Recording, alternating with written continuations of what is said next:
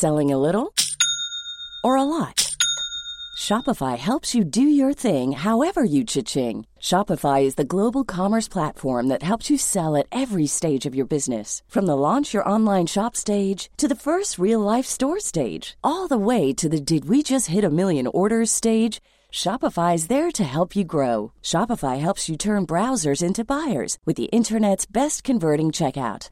36% better on average compared to other leading commerce platforms because businesses that grow grow with Shopify. Get a $1 per month trial period at shopify.com/work. shopify.com/work. Jag är så pepp inför det här. Jag med. Ja, jag vet ju bara ämnet. Mm. Och jag vet ju vilka vi ska prata om. Och Ja. jag känner ju till saker om dem. Men frågan är om det jag känner till är korrekt eller inte. Jag tror att du kommer lära dig en massa nya spännande saker idag. För det gjorde jag när jag skrev det här. Ja, då kör vi. Mm. Är du redo? Jag är redo. Ed och Lorraine Warren, del 1. Astralt, paranormalt. Eller bara banalt.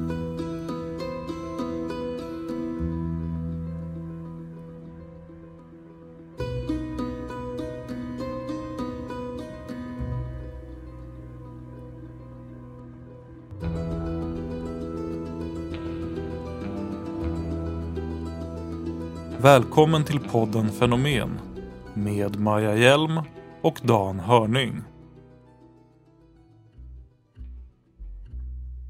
I en värld där mystiken kring övernaturliga fenomen både fascinerar och skrämmer så finns det ett äkta par som blivit synonymt med allt vad spöken och demoner innebär. Över decennier har de byggt en karriär baserad på sina påstådda mediala förmågor och paranormala utredningar som lämnat spår i både dokumentära och There fiktiva could have verk. been human spirits. They would see human spirits. Even our researchers witnessed human spirits. But there was something altogether different. Besides that human element, there was something inhuman or very, very Ed och Lorraine Warren. Dessa legendariska spökjägare har ända sedan 40-talet hänfört med sina otroliga historier om hemsökta hus, besatta själar och övernaturliga krafter. Men bakom sitt rykte och sina framgångar finns en skugga av tvivel som har väckt frågor om deras äkthet och motiv. Var deras syften ärliga och genuina? Eller var de skickliga manipulatörer som drevs av sukten efter pengar och berömmelse?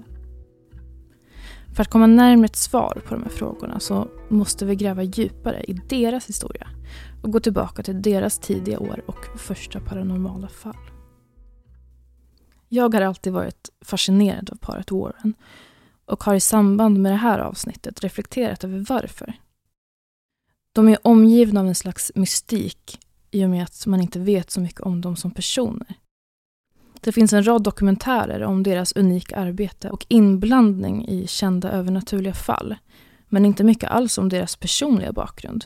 Vart kommer de ifrån och hur hamnade de i den här kontexten bland spöken och demoner? För mig är det dessutom någonting lite kittlande med att ett äldre till synes normalt par påstår sig tro så helhjärtat på någonting som jag som liten innerligt ville tro på, men där de vuxna i min omgivning envist dementerade. Därför känner sig barnet i mig upprymt och bekräftat medan den vuxna Majsan känner mer skepticism och ett behov av att ifrågasätta. Allt är ju inte alltid som det verkar. I det här avsnittet kommer vi göra en djupdykning i Ed och Lorraine Warrens bakgrund och försöka komma ett steg närmare svaret på frågan om vad man egentligen ska tro. Hur gammal var du när du första gången kom i kontakt med dem? Med Warrens. Ja, när du hörde talas om dem. Jag har alltid varit fascinerad av skräckfilm.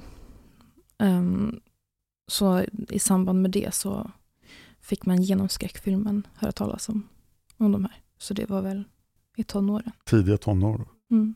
Känner du till? Ja, på exakt samma sätt. Så att man har hört spökhistorierna, sett skräckfilmerna och sen är de där och de Mm. är alltid där. Ja, de och, bara är där. I och bakgrunden. på något sätt tjänar de jättemycket pengar. Mm, precis, eller? Vi börjar från början och tar oss ända tillbaka till år 1926 när en efterlängtad pojke kom till världen i Bridgeport, Connecticut. Han tilldelades namnet Edward Warren Minney av sina föräldrar Pauline och Frank. Men Eds barndom var tuff. Hans pappa var väldigt sträng och djupt religiös inom den katolska kyrkan och enligt vissa källor ska han även ha varit aggressiv och våldsam. Med betoning på vissa källor eftersom det inte på något sätt är bekräftat och det är ju en allvarlig anklagelse. Enligt Ed själv så växte han upp i ett hemsökt hus. Och det var där han var med om sin första övernaturliga upplevelse, redan vid fem års ålder. Inne på sitt pojkrum så fick han syn på en ljuspunkt som sen förvandlades till en semitransparent kvinna klädd i ett hölje av något slag. Men hon försvann sen lika snabbt som hon dykt upp. Efter den här märkliga händelsen så började han drömma om döda släktingar om nätterna. Av dem fick han meddelanden om framtiden och han påstod sig alltså här som barn kunna förutspå vad som komma skall. En av de saker som han fick reda på var att han som vuxen skulle ha en religiös roll av något slag. Att han inte skulle bli präst, men att han skulle hjälpa många präster. De här övernaturliga upplevelserna låter inte så speciellt skräckinjagande, men det skedde skrämmande saker i Eds barndomshem också. En natt hörde han skrapanden och mumlande ljud under sin säng. Och i en klassisk skräckfilm så hade han sakta sträckt sig över kanten och själv sett efter vad som fanns där i mörkret. Men det här är ju ingen skräckfilm, än. Och Ed reagerade precis som man kan förvänta sig av ett barn som är rädd för monster under sängen. Livrädd tog han ett långt språng nerför sängen och sprang till sin pappa och berättade om vad han just hört. Men pappan var skeptisk och trodde inte på Ed. Han trodde att det var sonens livliga fantasi som spökade om något och uppmanade honom därför att konfrontera sina rädslor och jaga bort det påstådda spöket med ett krucifix. Målmedveten återvände Ed till sitt rum, men den här gången med ett krucifix i handen, samtidigt som man beordrade spöket att ge sig av. Och det här fungerade. Det låter ju som en viktig formativ upplevelse för lille Ed. Precis. Det låter övertygande. Väldigt uh, mycket agens för, en, för ett litet barn att bara jaga iväg sina plågor med ett krucifix. Mm. Och att, hur mycket minns du från när du var fem? Jag minns ganska mycket från när jag var fem, men jag har insett att det är exceptionellt. Jag har svårt att komma ihåg sammanhängande händelser. Utan det är mer så fragment och minnesbilder från när man var liten, kanske ända upp till man var tio år. Ja, jag har glasklara minnen från när jag var sex, men fem är lite luddigare. Mm. Och det är säkert jätteolika. Men om det är en sån stark upplevelse så minns man säkert mycket bättre. Ja, det där tror jag man skulle komma ihåg. Mm. Samtidigt i samma stad fanns en jämnårig flicka med liknande upplevelser. Lorraine Rita Moran föddes den 31 januari 1927, också i Bridgeport. Enligt Lorraine var hon också redan som barn medial, men trodde länge att alla hade samma förmåga som hon. Hon kunde se människors auror. Och ordet aura har jag både hört och själv slarvigt använt i vardagen för att förklara någons utstrålning. Men på ett djupare plan så har betydelsen av auror som fenomen varit främmande för mig. Vet du vad en aura, hur, hur, vad har du för upp, uppfattning av Jag tänker direkt på sådana aura-fotografering. Man tar en bild så är det konstiga grejer runt den. Mm. Och så betyder det olika saker. Mm precis. Efter att ha läst på lite grann så tolkar jag det som att åtminstone allt levande har ett energifält runt om sig som består av flera skikt och färger som representerar olika egenskaper. Vissa personer säger sig inte bara kunna uppfatta utan även tyda dessa och läsa av all möjlig information om den till auran tillhörande personen. Och den här egenskapen sa sig alltså Lorraine ha och att hon upptäckte förmågan när hon bara var nio år gammal. Lorraine gick på en katolsk skola vid namn Laurelton Hall som drevs av två nunnor. När hon pratade med dem om sin förmåga så blev hon hyschad och tillsagd att sådana saker talar inte vi om här. Och Lorraine var med om en speciell händelse på den här skolan när hon var 12 år gammal. När de på hennes skola planterade ett träd så fick hon en uppenbarelse. Lorraine såg plötsligt trädet som fullvuxet och en nunna frågade varför hon stirrade upp i himlen. Hon svarade att hon tittade ju på trädet. Och nunnan frågade på skoj om Lorraine kunde se in i framtiden. På vilket Lorraine funderade ett tag och sen svarade hon ja, jag antar det. Men sina mediala förmågor var verkligen ingenting Lorraine skröt om. Tvärtom så har Lorraine senare beskrivit för familj och vänner att hon som barn var rädd för att vara annorlunda och därför höll en låg profil gällande sina syner och uppenbarelser. Men allt förändrades när hon som 16-åring träffade Ed. Nu har vi kommit till år 1944 och vi befinner oss fortfarande i Connecticut. Ed jobbade på en biograf som Lorraine och hennes mamma ofta besökte. De två tonåringarna blev snabbt vänner och det dröjde inte länge innan Ed bjöd ut Lorraine på en dejt. Och hon tackade ja. Och strax efter att de började dejta så åkte Ed iväg för att tjänstgöra i andra världskriget. Närmare bestämt i flottan. Vid 17 års ålder, efter att ha varit i flottan i bara fyra månader, så var Ed med om en stor katastrof och nära döden-upplevelse till havs. Hans skepp kolliderade med en oljetanker och det här orsakade en explosion. Ed hoppade ner i havet och simmade för livet samtidigt som han såg en vägg av eld närma sig.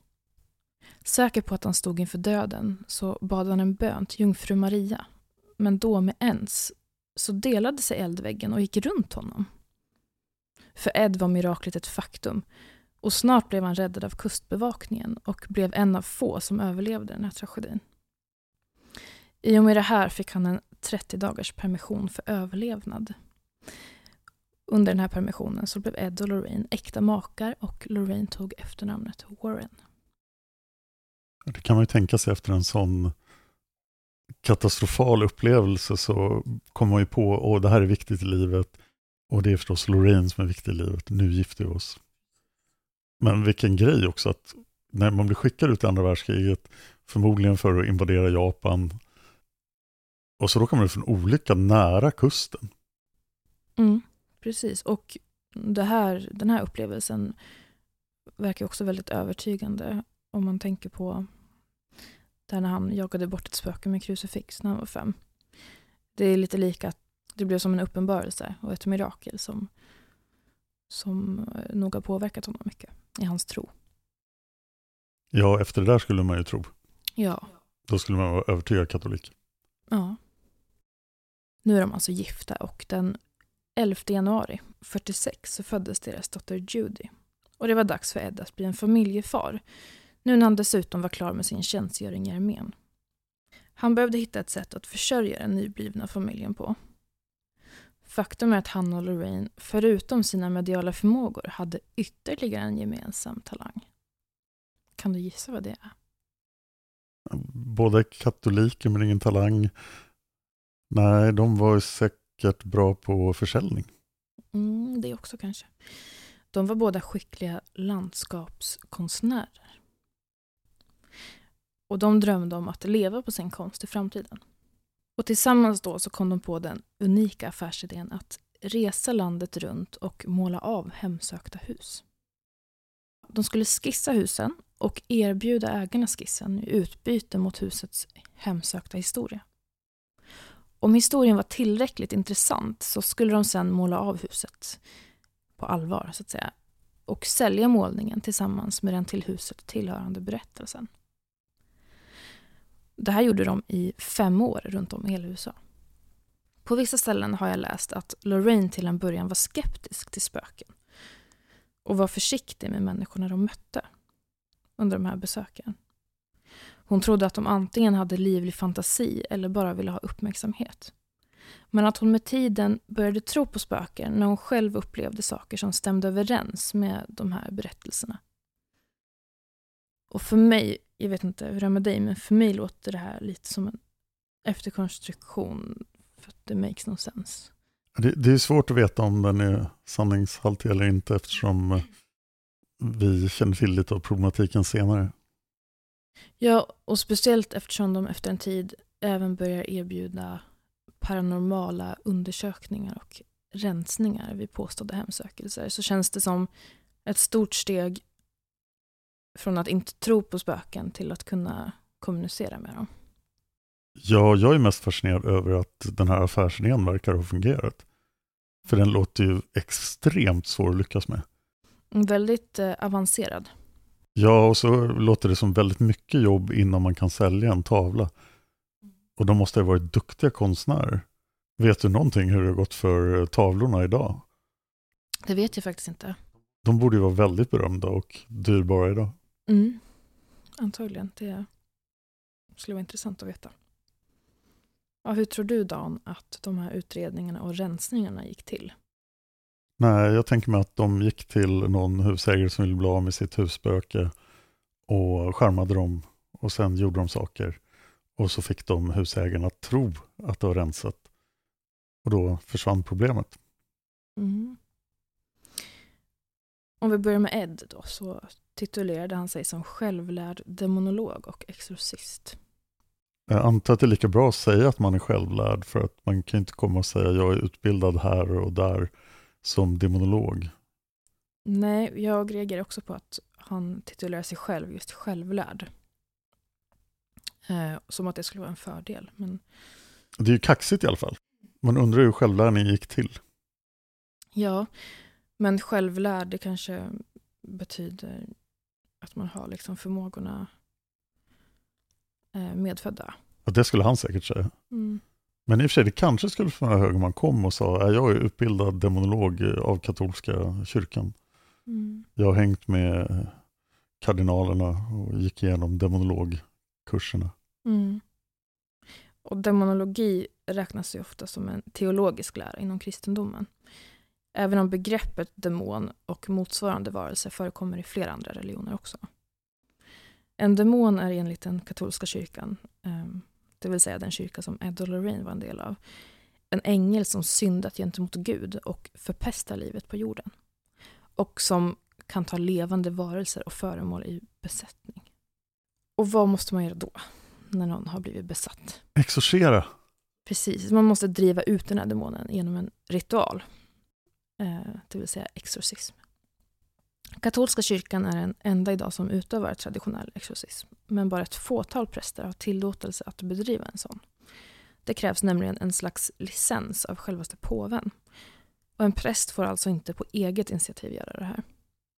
Men faktum är att Ed Warren, som inte ens var en präst, enligt källor fick tillåtelse att utöva en exorcism. Av påven. Det här låter ju som någonting som han bara sagt. Ja. Lorraine då? Hon titulerade sig bland annat som light trans medium. Den här förmågan innebär att mediet låter en ande kommunicera genom denne i form av tal eller med hjälp av penna och papper. Mediet går ner i medvetenhet och ger plats för anden som mer eller mindre tar kontroll över mediets kropp för att kommunicera. Det finns olika nivåer av trance. Light trance, medium trance och deep trance som också syftar på vilken grad av medvetenhet som mediet befinner sig i.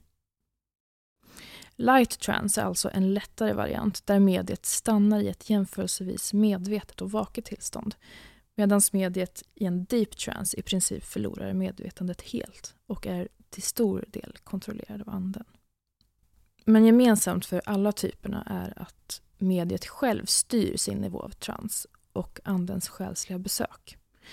En ande kan det vill säga inte välja att stanna och bosätta sig i mediet eh, och fortsatt kontrollera honom eller henne. Det är en fördel. Ja, verkligen, det låter, det låter skönt. Mm. Medan om man deep medium så kanske man aldrig vaknar upp igen. Nej. Jag hittade ingen info om hur, hur man styr det här, men det kanske kommer med förmågan. Ja. Lorraine sa sig också besitta clairvoyance. Ett fint ord. Och det kommer från franskans clairvoyance som betyder ungefär klarsynthet. Och det här begreppet verkar vara ganska brett och innefattar flera olika mediala förmågor. Såsom synskhet och att man kan se och känna saker som inte är tillgängliga för våra sinnen. Till exempel att man kan se saker som finns på en helt annan plats. Och jag kommer spontant att tänka på eh, eh, en, jag är med i en Facebookgrupp för eh, paranormala. eh, saker. Och när folk har tappat bort någonting så brukar de skriva i gruppen att jag har tappat bort min plånbok. Eh, kan någon se vart den är? Och så är det jättemånga som svarar. De kan svara, oh, jag ser att den är under högra soff soffkudden, under ett lager popcorn. Typ. Så att de känner av det här på håll, så då hjälper de till. Hur ofta fungerar det? Eh, det är oklart. Ja, det vore jätteintressant att prova när man har tappat bort någonting. Ja.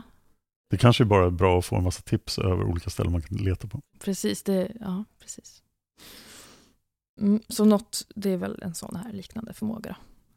Att man är klärvoajant. Då. Och jag har sett bilder på Lorraine när hon ligger på rygg och blundar med händerna upp i luften på diverse sängar. Uh, och det här gjorde hon tydligen för att lättare få kontakt med sina egna förmågor.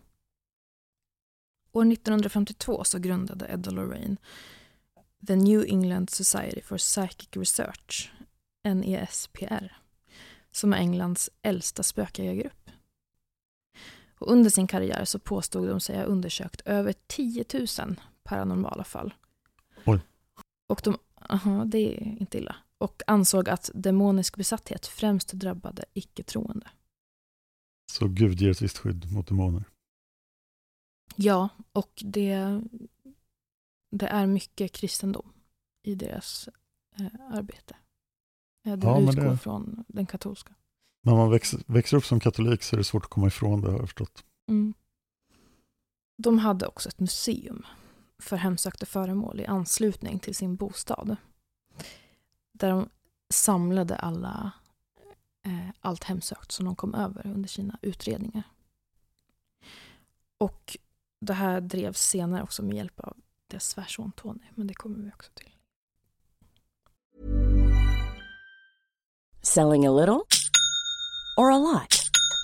Shopify helps you do your thing however you cha-ching. Shopify is the global commerce platform that helps you sell at every stage of your business. From the launch your online shop stage to the first real life store stage, all the way to the did we just hit a million orders stage. Shopify is there to help you grow. Shopify helps you turn browsers into buyers with the internet's best converting checkout. 36% better on average compared to other leading commerce platforms because businesses that grow grow with Shopify. Get a one dollar per month trial period at shopify.com/work. shopify.com/work. I nästan 20 års tid så tog de sig an paranormala fall och etablerade sig inom branschen. Men det var inte förrän 68 som de slog igenom och blev kända hos gemene man. Det var då de tog sig an ett fall som senare skulle göra sig känt över hela världen som ett av de mest skräckinjagande och förbluffande någonsin. Spännande. Och det måste vi vänta till nästa avsnitt innan jag får höra alltså. Ja, Ja, det är hårt. och det är värt att vänta på. Kom ihåg att vi vill ha era historier om övernaturliga saker ni har upplevt. Har ni råkat ut för några fenomen? Maila era historier till simwaypodcast.gmail.com Simway med Z. Den mailadressen finns också i avsnittstexten till det här avsnittet. Mm. Ja, Dan, tror du? Nej.